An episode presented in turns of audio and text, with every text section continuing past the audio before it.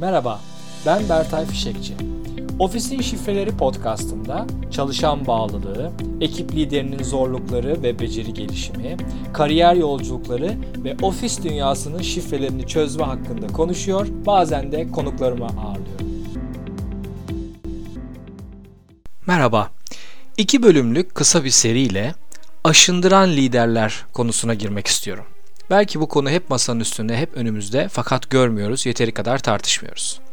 Aşındıran liderleri tanımlamak istesem, kısaca bu liderleri kendilerine bir ekip rapor eden ve aşağıdaki davranışları zaman zaman da olsa gösteren liderler olarak tanımlayabilirim. Kaba davranışlar. Çalışanı tersleyen, ona yukarıdan konuşan, çalışanı iten davranışlar. Sesini yükseltenler, çalışanla konuşurken sesini yükselten ve bunu bir güç gösterisi olarak kullanan liderler. Ayrımcılık yapanlar. Yaş grupları, cinsiyet, geçmiş, inanış ve bunun gibi çeşitli alanlarda çalışanlar arasında ayrım yapan ve bunu çoğu kez saklamaya bile gerek görmeyen liderler. Fikirleri bastıranlar ekibi içinde farklı görüşleri bastıran, çalışanın görüşüne değer verilmemesi duygusunu yaratan, sanki tartışmalarda önceden kararını vermiş ve iş olsun diye çalışanları dinleyen liderler veya dinliyormuş gibi görünen. İkinci ajandası olan, kendi bireysel hedefi ekibin veya şirketin hedefinden ayrışmış, kendi kariyer için manipülasyon yapabilecek, kendi görüntüsünü ve egosunu ekibin hedeflerinin üzerinde tutan liderler rencide edici şakalar yapanlar. Çoğu kez yarattığı olumsuz etkinin farkında bile olmadan ve çoğu kez anlamsız ve komik olmayan şakalar yapan liderler. Çalışanı zor durumda bırakan bir tarzı olan liderler.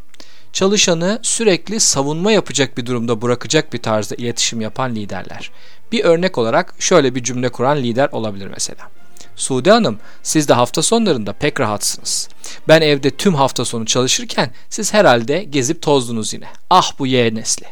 Her türlü uygunsuz karşı cins yakınlaşması, özel hayatı il ihlal ve taciz yapabilen liderler. Bunu yorumlamaya gerek yok. Açık veya örtülü tehdit edebilen liderler. Bireysel olarak çalışanı veya bir grubu açıktan veya gizliden tehdit eden liderler. Örneğin bir sosyal faaliyete bir grup katılmama eğilimi gösteriyorsa ve lider katılmayanlarla performans toplantısında görüşürüz diyorsa bu bile böyle bir kategoriye girebilir.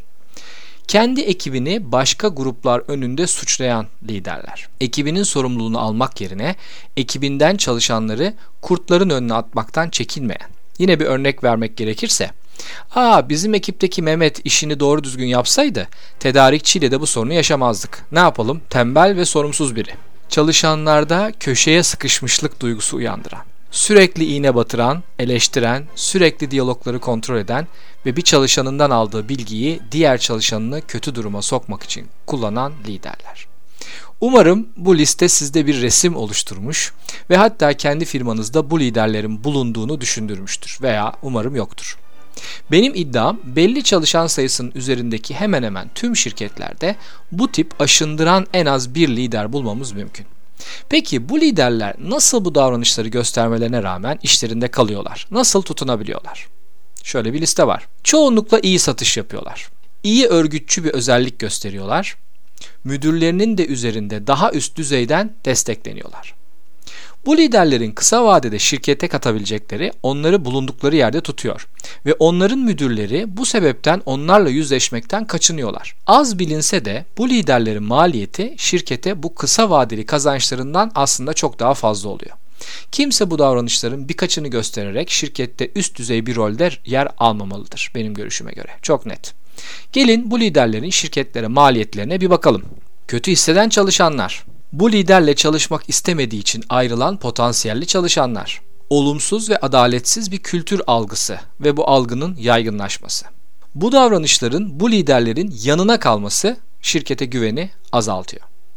Olumsuz davranışlar kopyalanıyor. Bu liderler birer küçük kopyalarını yetiştiriyorlar.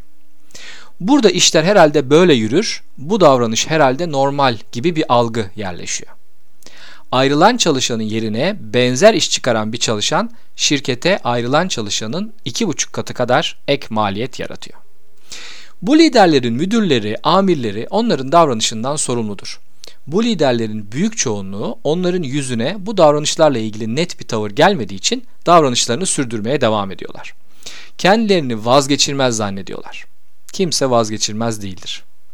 Bu liderlerle ilgili şu üç adımı onların müdürleri, amirleri, şirketlerin CEO'ları için bir araya getirdim. Bu yolla aslında bu liderleri idare etmek diyeceğim. Onlarla yüzleşmek, onları daha iyi davranışa yöneltmek mümkün olabilir.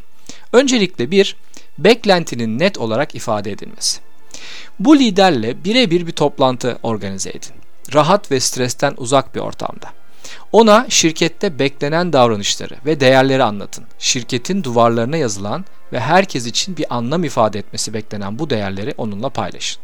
Daha sonra davranışların ifadesi bölümü var. Bu önemli bölümde lidere zamanı, mekanı, davranışı ve davranışının olumsuz etkilerini spesifik ve net olarak ifade edin. Bu bölümde ne kadar net ve çok sayıda davranışı örnek gösterirseniz bu o kadar iyi bir etki bırakır. 360 değerlendirmeleri de aslında bu bölümde bir yardımcı olabilir. Ve son olarak istenen davranış. Bu sıkıntılı davranışı ifade ettikten ve aşındıran liderle yüzleştikten sonra ondan beklenen davranışı yine net olarak ifade edin. Bunu da spesifik, net, olaylara dayanan bir şekilde ifade edin. Bu liderler çok akıllı insanlar yoksa başarılı olamaz. Bu davranışları göstermelerine rağmen şirketlerde bu şekilde etkin görevler üstlenemezlerdi. Mesele şu, çoğunlukla yaptıklarının farkında değiller. Kimse onlara gerçek bir ayna tutmamış. Bence bilirlerse değişebilirler. Bu konuda daha ayrıntılı çalışmalar için dilerseniz bana ulaşabilirsiniz.